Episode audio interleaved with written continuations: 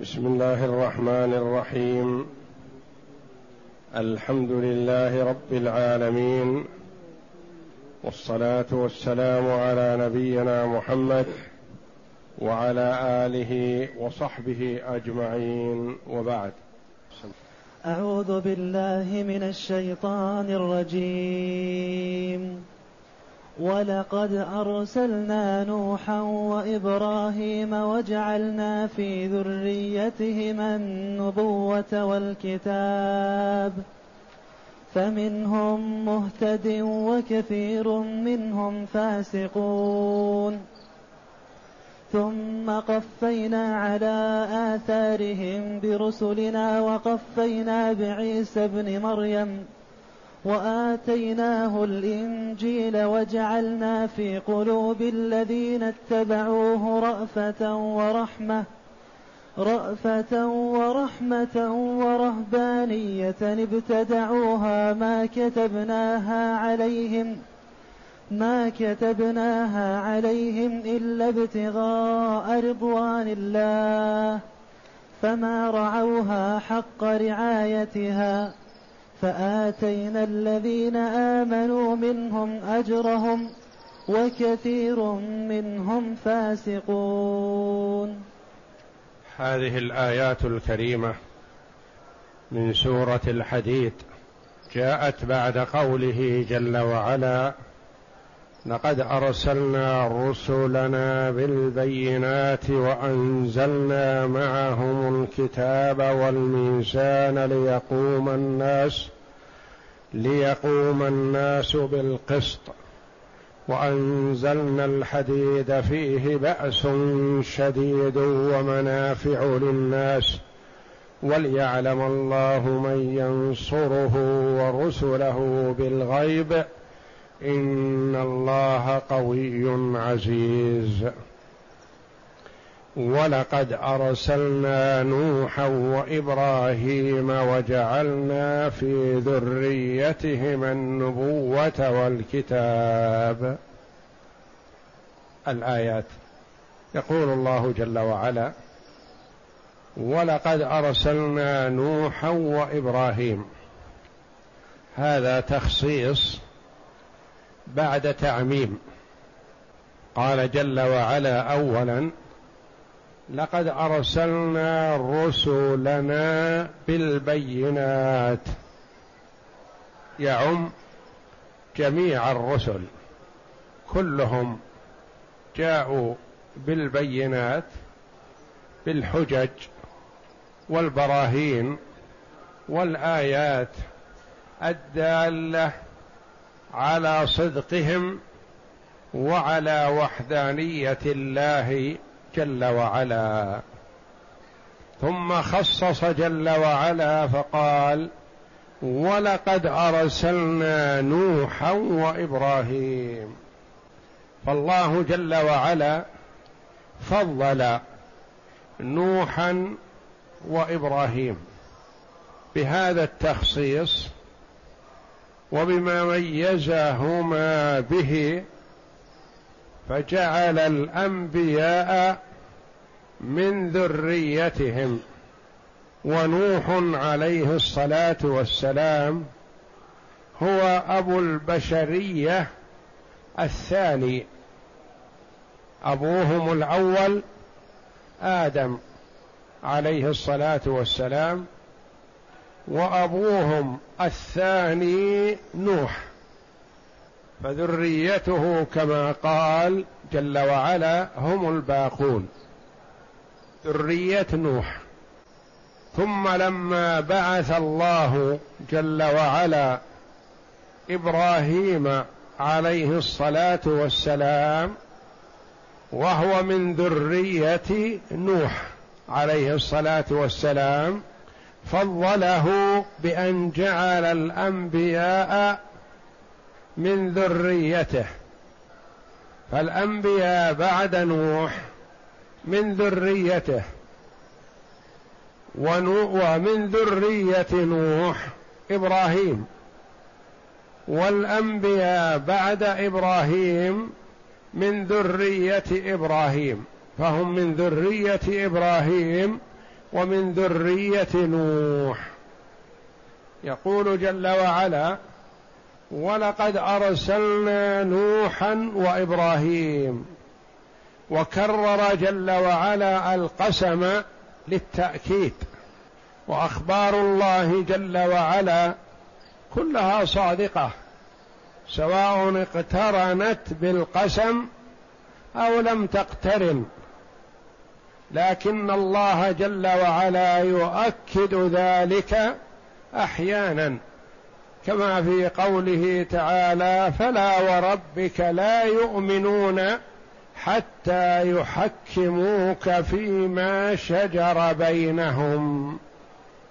ولقد أرسلنا نوحا وإبراهيم فيه قسم لأن قد للتحقيق واللام موطئة للقسم وذكرهما اظهارا لفضلهما عليهما الصلاة والسلام وهما كما تقدم لنا من أولي العزم من الرسل. فأولو العزم من الرسل على القول الراجح هم نوح وإبراهيم وموسى وعيسى ومحمد صلى الله عليهم وسلم.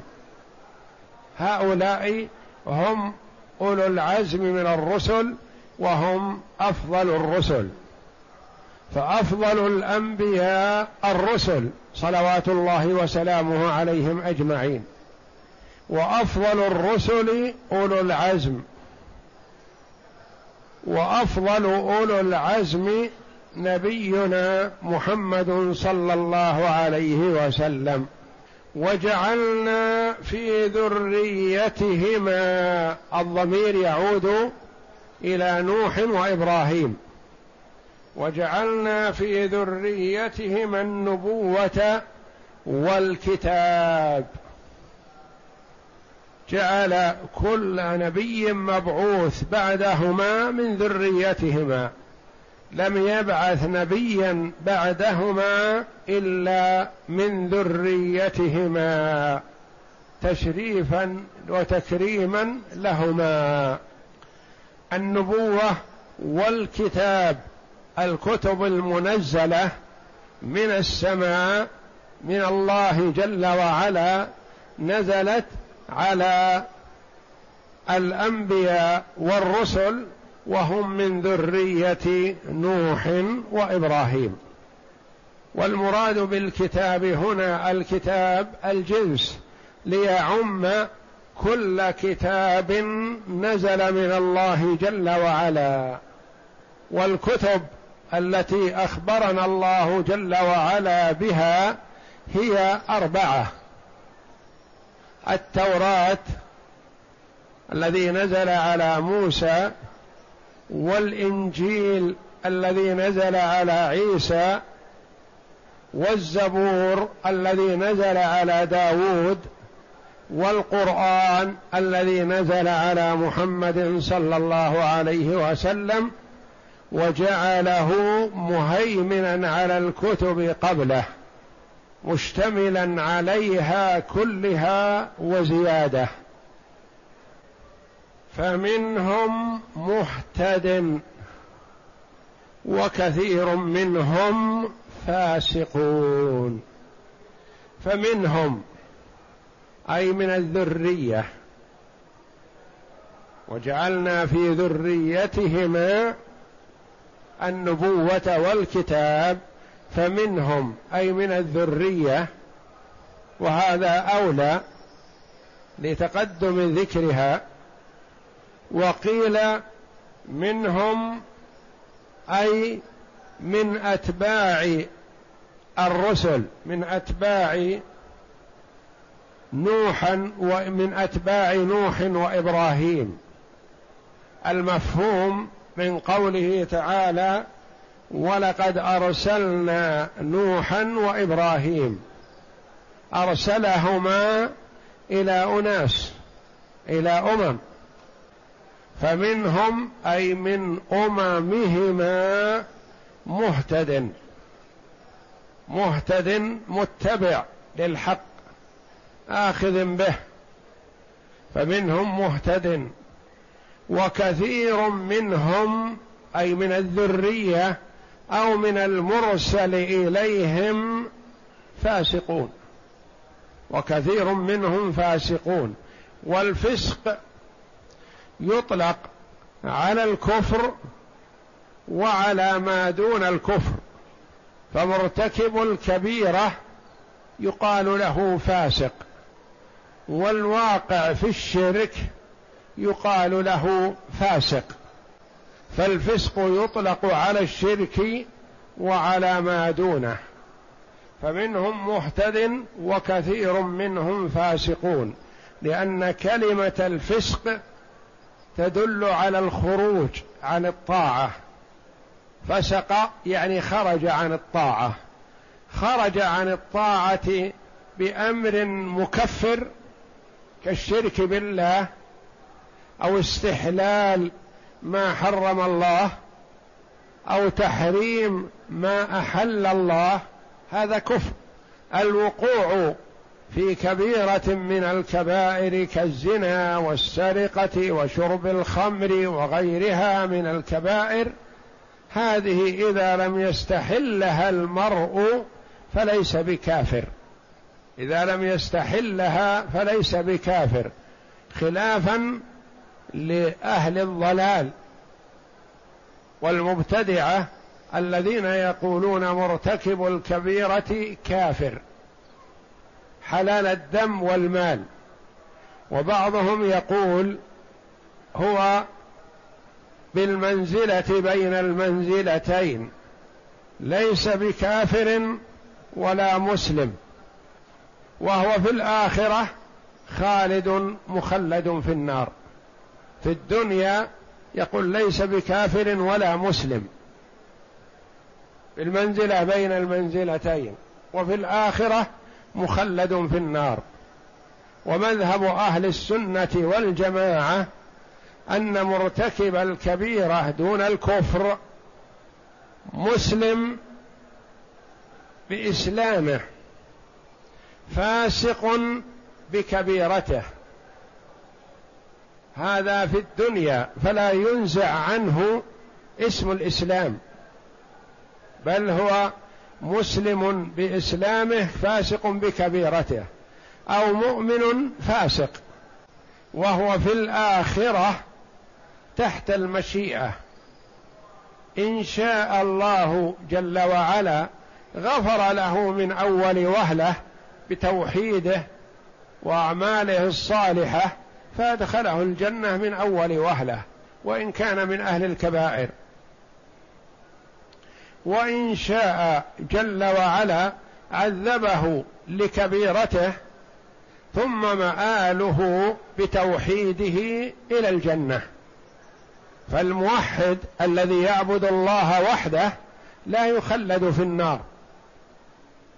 وشفاعة النبي صلى الله عليه وسلم لأهل الكبائر الذين وقعوا في شيء من الكبائر وهم موحدون. فأهل السنة والجماعة لا يحكمون على مرتكب الكبيرة بالكفر ولا بالخروج من ملة الإسلام خلافا للخوارج والمعتزلة وأهل الضلال. فالخوارج كثير منهم كفر الصحابة رضي الله عنهم الذين شهد لهم النبي صلى الله عليه وسلم بالجنة. لأنهم يزعمون أنهم وقعوا في شيء من الكبائر فهم كفار. والرسول عليه الصلاة والسلام شهد لهم بالجنة. ولا يشهد الرسول صلى الله عليه وسلم لأحد بالجنة إلا وهو من أهل الجنة بلا شك. فلا يمكن أن يكون من أهل النار. فإذا كفر المرء مسلما شهد له النبي صلى الله عليه وسلم بالجنة فقد كذب الرسول صلى الله عليه وسلم. وهذا خطأ وجهل وضلال. فمن شهد له الرسول صلى الله عليه وسلم بالجنة فهو بالجنة بلا شك لأنه عليه الصلاة والسلام لا ينطق عن الهوى إن هو إلا وحي يوحى. والله جل وعلا يقول وما آتاكم الرسول فخذوه وما نهاكم عنه فانتهوا. فما أتى به من أخبار صلى الله عليه وسلم فهي صادقة بلا شك ولا محالة. فمنهم مهتد وكثير منهم فاسقون خارجون عن الطاعة بالكفر أو بما دون الكفر.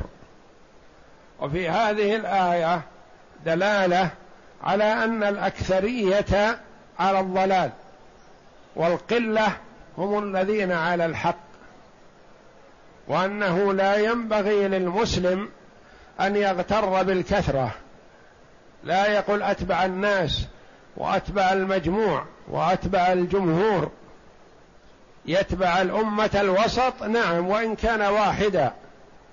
يتبع الجماعة وإن كان واحد. فالجماعة تطلق على من كان على السنة والجماعة حتى وإن كان واحد. فهو الجماعة وهو الأمة كما أخبر الله جل وعلا عن إبراهيم على نبينا وعليه أفضل الصلاة والسلام إن إبراهيم كان أمة قانتا لله حنيفا. فهو بمثابة جماعة وإن كان واحد عليه الصلاة والسلام. وفيه آيات كثيرة تدل على أن الأكثرية تكون على الباطل والقلة هم الذين على الحق كما قال الله جل وعلا وإن تطع أكثر من في الأرض يضلوك عن سبيل الله وقال تعالى وما أكثر الناس ولو حرصت بمؤمنين. وهذا يجعل المسلم يتثبت من أمره ولا يغتر بالكثرة. وقد قيل لا تغت لا تنظر إلى من هلك كيف هلك وإنما العبرة في من نجا كيف نجا. طريق الهلاك سهل وطريق النار محفوف بالشهوات وطريق الجنة محفوف بالمكاره. فعلى المسلم أن يتثبت من أمره بأنه على السنة والجماعة وعلى طريقة السلف الصالح ولا يغتر بكثرة الهالكين. لا يقول أنا مع الناس أو مع الأكثر أو مع الجمهور أو مع العدد الكثير لا. وإنما ليكن مع الكتاب والسنة. وإن كان الآخذ بهما واحد. فالمراد هنا والله أعلم بالفاسقين المخالفين الواقعين في المعصية سواء كانوا كفارا أو غيرهم وقيل المراد بهم الكفار لأن الله جل وعلا جعلهم قسما آخر للمهتدين فمنهم مهتد وكثير منهم فاسقون. فقال المهتدون الذين هم على الحق والفاسقون الذين هم على الباطل. وقد يقال مهتد يعني آخذ بطريقة بطريقة الصواب والصحيح وآخذ بالسنة. وفاسق خارج عن السنة خروجا ليس مكفرا. يخبر تعالى أنه منذ بعث نوحا عليه الصلاة والسلام لم يرسل بعده رسولا ولا نبيا إلا من ذريته. وكذلك إبراهيم عليه السلام خليل الرحمن لم ينزل من لم ينزل من السماء كتابا ولا أرسل رسولا ولا أوحى إلى بشر من ولا أوحى إلى بشر من بعده إلا وهو من سلالته. كما قال تعالى في الآية الأخرى وجعلنا في ذريته النبوة والكتاب حتى كان آخر أنبياء بني إسرائيل عيسى بن مريم الذي بشر من بعده بمحمد صلوات الله وسلامه عليهما. ولهذا قال تعالى ثم قفينا على آثارهم برسلنا وقفينا بعيسى بن مريم وآتيناه الإنجيل. ثم قفينا على آثارهم برسلنا. على آثار من؟ على آثار الذرية لأنها جمع. ولم يقل جل وعلا ثم قفينا على آثارهما يعني نوح وإبراهيم. وإنما المراد قفينا على آثار الذرية هؤلاء الذرية الذين فسق أكثرهم بعثنا رسل لأجل إقامة الحجة على الخلق ثم قفينا أي أتبعنا على آثارهم يعني جاءوا بعدهم. لما ضل كثير من الذرية أرسل الله جل وعلا رسلا لإقامة الحجة على الخلق ولدلالتهم على الصراط المستقيم. ثم قفينا على آثارهم برسلنا. رسل كثير. أرسلهم الله جل وعلا بعد إبراهيم عليهم الصلاة والسلام. ثم قفينا على آثارهم برسلنا بعد رسلنا. هؤلاء قفينا بعيسى ابن مريم. نوه الله جل وعلا عنه عليه الصلاة والسلام تشريفا له ولأنه بشر بمحمد صلى الله عليه وسلم ولأن أتباعه موجودون. منهم من كان على الحق حال بعثة الرسول صلى الله عليه وسلم والكثير منهم كان على الباطل. ثم قفينا على آثارهم برسلنا وقفينا بعيسى ابن مريم وعيسى من ذرية إبراهيم عليهم الصلاة والسلام فهو من ذريته يعني ابن بنته فهو مريم عليه السلام هي من ذرية إبراهيم. وعيسى هو ابن مريم. والله جل وعلا جعله دلالة على قدرته حيث أنجبت مريم عليه السلام عيسى عليه الصلاة والسلام بدون زوج فهي لم تتزوج؟ وإنما هو وجد بكلمة الله جل وعلا. ولهذا سماه جل وعلا عيسى ابن مريم فهو ابن مريم وذكر في القرآن كثير كل هذا تنويها بفضله عليه الصلاة والسلام وردا على اليهود عليهم لعنة الله ورد على النصارى عليهم لعنة الله فهما بين الجافي فيه والغالي والمسلمون أنزلوه منزلته التي أنزله الله جل وعلا. اليهود عليهم لعنة الله قالوا هو ابن بغي عليه الصلاة والسلام وقاتلهم الله. يعني ابن زنا والنصارى غلوا فيه وقالوا فيه هو ابن الله وهو ثالث ثلاثة تعالى الله. والله إله واحد. فالطائفتان على طرفي نقيض في عيسى كلهم لم يوفق للصواب. منهم من جفى وجانب الصواب في جفوته وبعده عن الصواب في نسبته إلى ما هو براء منه. على نبينا وعليه أفضل الصلاة والسلام. والنصارى غلوا فيه وتجاوزوا الحد ورفعوه عن منزلته التي أنزله الله لأنه هو عبد الله ورسوله وكلمته ألقاها إلى مريم وروح منه روح من الأرواح التي خلقها الله جل وعلا. لا أنه ابن الله ولا أنه جزء منه تعالى الله عما يقول الظالمون علوا كبيرا. والمسلمون قالوا هو عبد الله ورسوله وكلمته إلى مريم وروح منه كما ذكر الله جل وعلا في كتابه. والنبي صلى الله عليه وسلم حذر هذه الأمة من الغلو فيه. حذرها تحذيرا بليغا. وقال لا تطروني كما أطرت النصارى ابن مريم. إنما أنا عبد فقولوا عبد الله ورسوله.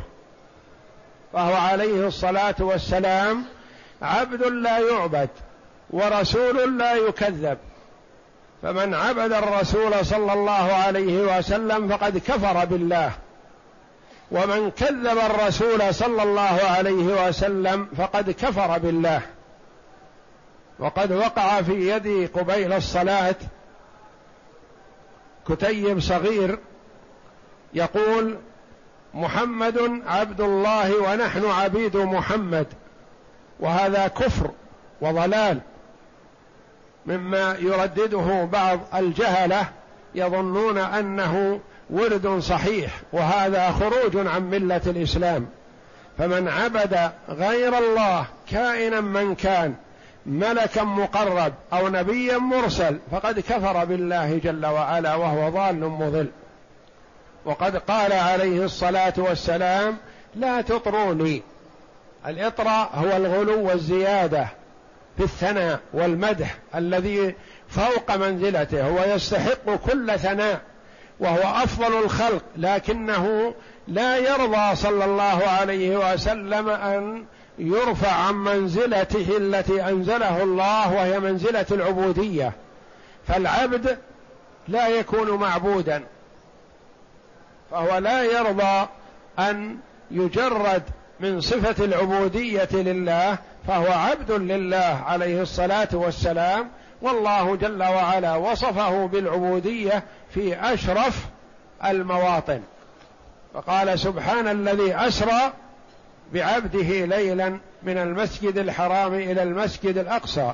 وقال جل وعلا الحمد لله الذي أنزل على عبده الكتاب ولم يجعل له عوجا. وقال تعالى وأنه لما قام عبد الله يدعوه كادوا يكونون عليه لبدا. فأفضل وظائفه صلى الله عليه وسلم وصفاته هي صفة العبودية. ولهذا يبدأ بها في الشهادة أشهد أن محمدا عبده ورسوله. هي أفضل لأنه عليه الصلاة والسلام نال من صفة العبودية أعلاها عليه الصلاة والسلام. وكلما حقق المسلم عبوديته لله جل وعلا ومتابعته للنبي صلى الله عليه وسلم فإنه يفضل بهذا.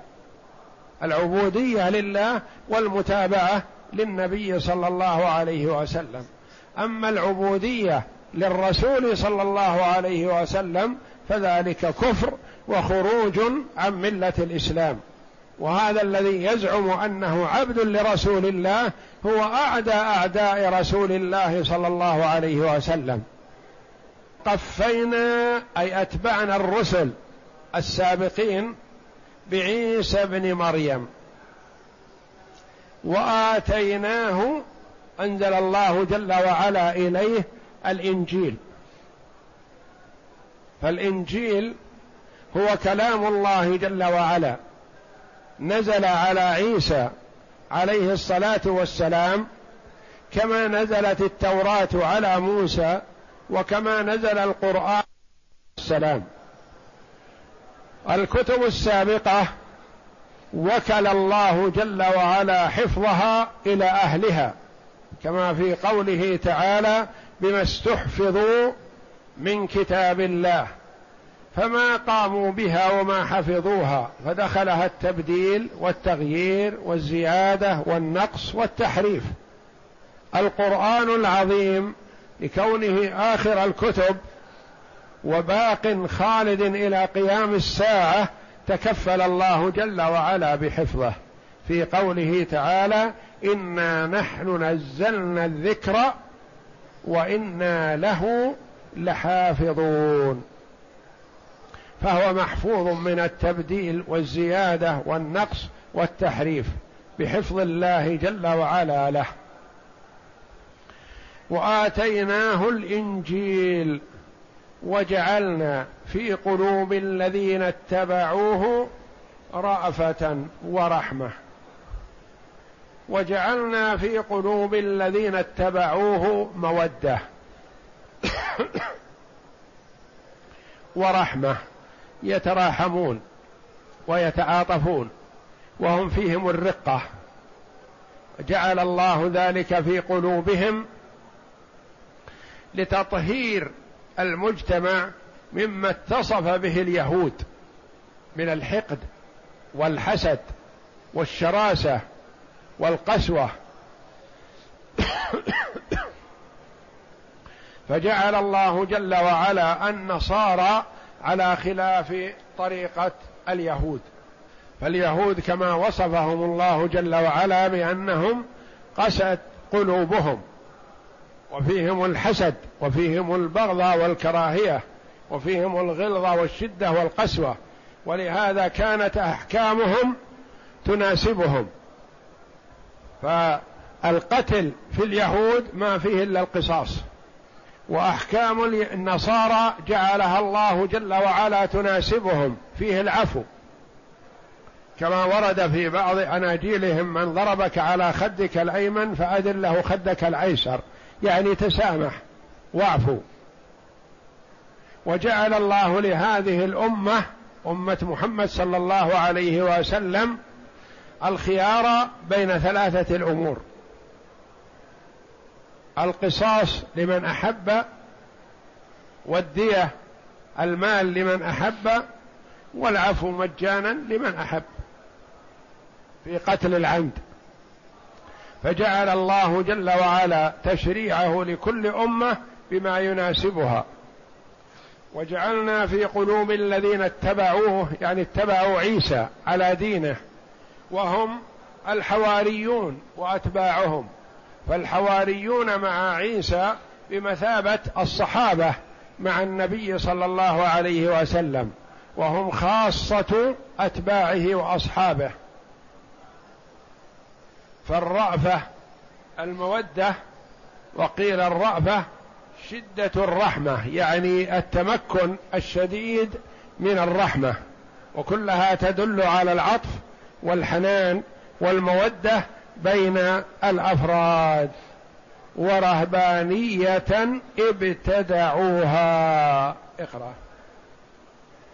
ثم قفينا على آثارهم برسلنا وقفينا بعيسى ابن مريم وآتيناه الإنجيل وهو الكتاب الذي أوحاه الله إليه وجعلنا في قلوب الذين اتبعوه وهم الحواريون رأفة أي رقة وخشية ورحمة بالخلق ورهبانية ابتدعوها أي ابتدعها أمة النصارى ما كتبناها عليهم أي ما شرعناها ورهبانية ابتدعوها ما كتبناها عليهم إلا ابتغاء رضوان الله. وآتيناه الإنجيل وجعلنا في قلوب الذين اتبعوه رأفة ورحمة.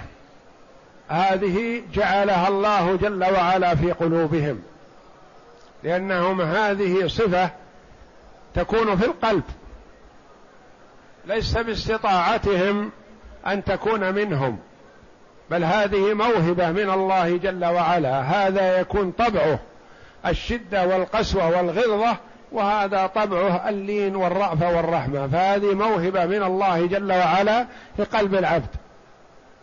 رأفة ورحمة. ثم قال جل وعلا ورهبانية ابتدعوها.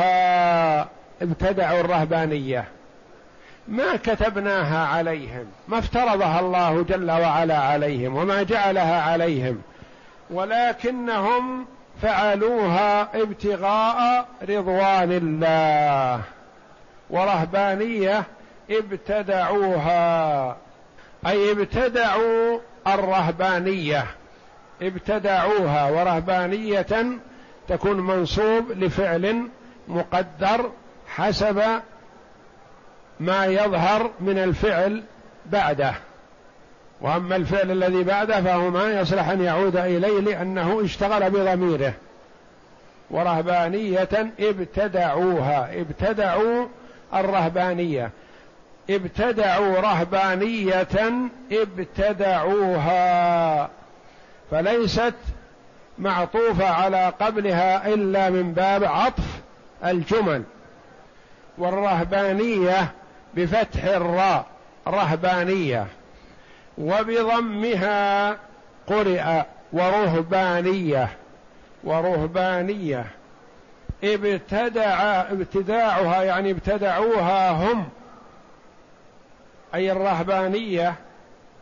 فهي بالضم منسوبة إلى الرهبان وبالفتح منسوبة إلى الرهبة الذي هو الخوف. ورهبة ورهبانية يعني خوف. من الله جل وعلا فكان خوفهم من الله شديد فشددوا على أنفسهم بالعبادة وألزموها أشياء ما ألزمهم الله جل وعلا بها. منهم من اعتزل النساء ومنهم من اعتزل وجانب الأكل مما لذ من الطيبات ما أكلوا إلا الخشن. وما لبسوا من الثياب إلا الخشن وقصفوا على أنفسهم بهذا حتى في حال الطعام الخشن ما يشبعون وما يعطون أنفسهم ما تريد. وحرموا أنفسهم من السكن في المساكن المناسبة بل سكنوا بالكهوف والغيران وجانبوا الأماكن المناسبة بين الناس وابتعدوا عن الناس الكثير منهم بهذه الصفة ابتعدوا عن الناس وجانبوهم. والرهبانية من الرهبة التي هي الخوف والرهبانية من الرهبنة من الرهبنة وهي اتخاذ الخشن من الطعام واللباس واجتناب المساكن المناسبة. يقول الله جل وعلا ما كتبناها عليهم. وخصها وحدها بالابتداء لأن ما قبلها صفة قلبية من الله جل وعلا ليست منهم. وهذه صفة بدنية. المرء قد يشق على نفسه بما لا يجوز له. وقد يلزم نفسه بشيء يشق عليه وهو لا يجب عليه. ومن ذلك إلزام المرء نفسه بطاعة لا تجب عليه. يلزم نفسه بشيء ما ثم بعد هذا وبعد المشقة يتلفت يمينا وشمالا وينتقل من مفت إلى مفت لعله يوسع له في الأمر لأنه شق على روحه وشق على نفسه. والنبي صلى الله عليه وسلم قال إن النذر لا يأتي بخير وإنما يستخرج به من البخيل. النذر ما ينبغي للإنسان أن ينذر لأنه معناه أنه يوجب على نفسه شيء ما أوجبه الله. لكن إذا فعل وأوجب على نفسه هذا وتحقق له ما أراد وجب عليه أن يفي بنذره لقوله صلى الله عليه وسلم من نذر أن يطيع الله فليطعه ومن نذر أن يعصي الله فلا يعصه وامتدح الله جل وعلا الموفين بالنذر. ولم يمتدح الناذرين وإنما امتدح الموفين.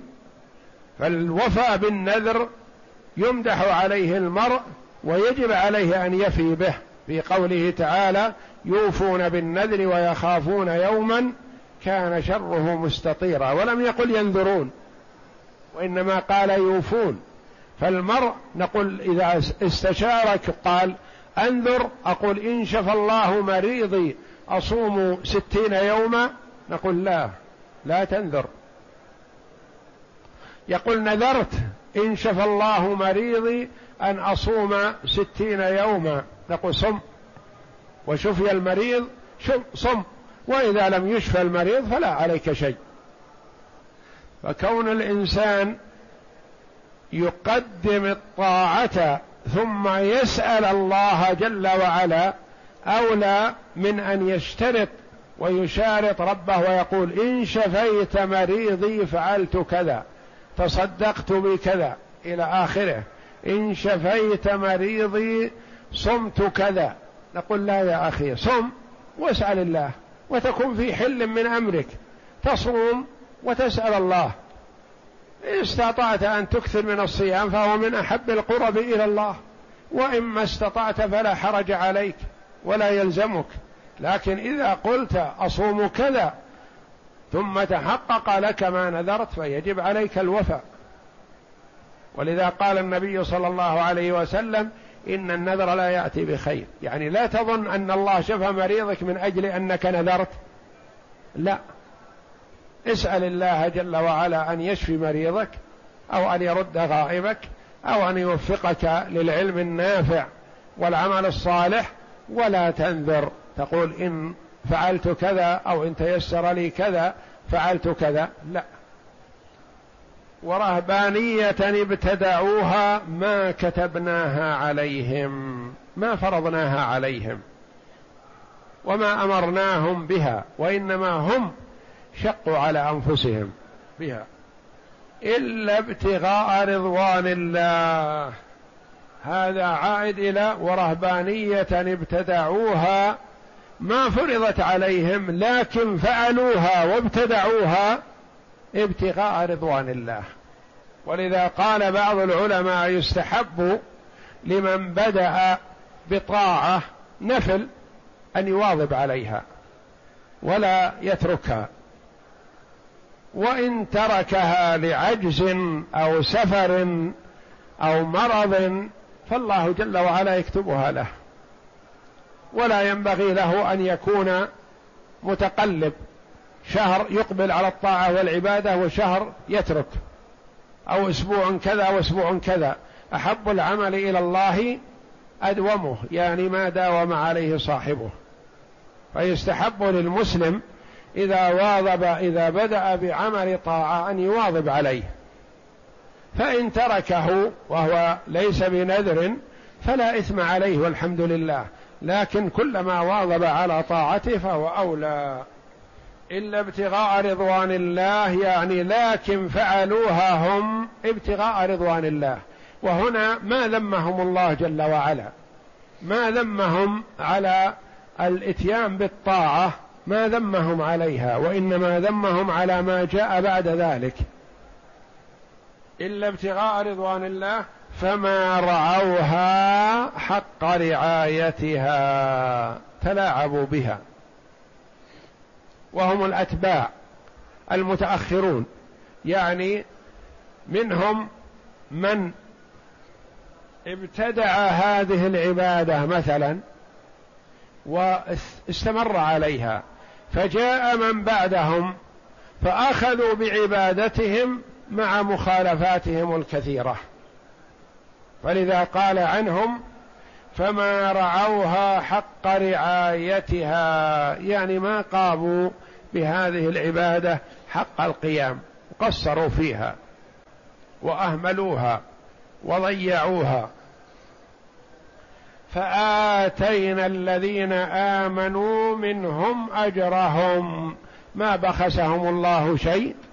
أعطاهم أجرهم كامل غير منقوص وكثير منهم فاسقون خارجون عن الطاعة. فالذين استمروا وثبتوا على الإيمان هؤلاء أعطاهم الله جل وعلا ما يستحقونه. وقد بقي منهم أناس يعدون على الأصابع حتى بعثة النبي صلى الله عليه وسلم. كانوا على النصرانية. منهم قس ابن ساعدة الايادي وورقة ابن نوفل وغيرهم. عدد استمروا على النصرانية مجوا الأديان كلها ورأوا أن أقرب الأديان إلى الحق هو دين النصارى فأخذوا بالنصرانية الحقه وتمسكوا بها. حتى بعث الله محمدا صلى الله عليه وسلم وآمنوا به. فالرسول عليه الصلاة والسلام أدرك ورقة ابن نوفل وورقة ابن نوفل بشر النبي صلى الله عليه وسلم لما أخبره بالذي يأتيه قال له هذا الناموس الذي أنزل على موسى. يا ليتني أكون فيها جذعا إذ يخرجك قومك فأنصرك نصرا مؤزرا وهو شايب كبير. ليتني أكون شاب. أنصرك هذا الحق الذي جئت به. قال أو مخرجيهم؟ قال نعم ما جاء أحد بمثل ما جئت به إلا أخرج وأوذي. استغرب الرسول عليه الصلاة والسلام أن قومه يخرجونه وهم يقولون الصادق الأمين. أفضل واحد عندهم في مكة هو محمد صلى الله عليه وسلم في شبابه. فإذا جاء بالرسالة من عند الله يخرجونه هذا يستبعده. قال لا هذا الواقع. ما جاء أحد بمثل ما جئت به إلا أخرج وأوذي. وكثير منهم فاسقون. فعن ابن عباس رضي الله عنه قال كانت ملوك بعد عيسى بدلت التوراة لأنهم بدلوا أحكام الله وغيروا فيها وزادوا ونقصوا وكان الصيام محدد ثم زادوا فيه أيام ثم زادوا أيام ثم عجزوا عنه ونقلوه من وقته إلى وقت البراد وقت آه، الجو المعتدل وتلاعبوا بأحكام الله جل وعلا. كانت ملوك بعد عيسى بدلت التوراة والإنجيل فكان منهم مؤمنون. يقرؤون التوراة والإنجيل على ما حسب ما نزلتا. فقيل لملوكهم ما نجد شيئا أشد من شتم يشتمنا هؤلاء الذين تمسكوا بالكتاب. يقرؤون ومن لم يحكم بما أنزل الله فأولئك هم الكافرون. ومن لم يحكم بما أنزل الله فأولئك هم الظالمون. ومن لم يحكم بما أنزل الله فأولئك هم الفاسقون. مع ما يعيبوننا به من أعمالنا في قراءتهم. فادعوهم فليقرأوا كما نقرأ. وليؤمنوا كما آمنا فدعوهم فدعاهم فجمعهم وعرض عليهم القتل أو يتركوا قراءة التوراة والإنجيل إلا ما بدلوا منهما. يقول لا تقرؤونها على الوجه الصحيح اقرأوها حسب ما بدلت اقرأوا مثل قراءتنا. فقالوا ما تريدون إلى ذلك؟ دعونا نحن نكفيكم أنفسنا. يقول لا تتعرضوا لنا لا تقتلوننا ونحن نكف أنفسنا عنكم. لأنهم بطبيعتهم النصارى يحبون الرفق واللين. يقول لا تشددوا علينا ولا تقتلونا نحن نكفيكم أنفسنا ونعتزلكم ولا تقتلونا ما تريدون إلى ذلك دعونا نحن نكفيكم أنفسنا. هذا كلام ابن عباس رضي الله عنهما. فقالت طائفه منهم ابنوا لنا اسطوانة ثم ارفعونا إليها ثم أعطونا شيئا نرفع به طعامنا وشرابنا. يقول ابنوا لنا بنا عالي مرتفع واقذفونا فيه وأعطونا حبل ندليه ناخذ فيه منكم طعامنا وشرابنا ولا نتعرضكم ولا ننكر عليكم ولا إيه، تسمعون منا ما يسوءكم. نتعبد في الصوامع ونعتزلكم وتسلمون من شرنا ونسلم من شركم. هذه طائفة. ثم أعطونا شيئا نرفع به طعامنا وشرابنا ولا نرد عليكم. وقالت طائفة أخرى دعونا نسبح في الأرض يعني نسيح نذهب. نسبح في الأرض ونهيم ونأكل مما تأكل الوحوش ونشرب مما تشرب. فإن قدرتم علينا في أرضكم فاقتلونا إن شفتونا في بلادكم فاقتلونا اتركونا على ما نحن عليه ونعتزلكم. وقالت طائفه منهم ابنوا لنا دورا في الفيافي يعني أديار دير اللي يسمى بالدير. ابنوا لنا دورا في الفيافي ونحتفر الآبار ونحرث البقول فلا نرد عليكم ولا نمر بكم. نعتزلكم ونأكل ونشرب ونعبد الله حتى نلقى ربنا على ما نحن عليه ولا نعيركم ولا نمسكم ولا نمر بكم وليس أحد من القبائل إلا له حميم فيهم ففعلوا ذلك فأنزل الله رهبانية ابتدعوها.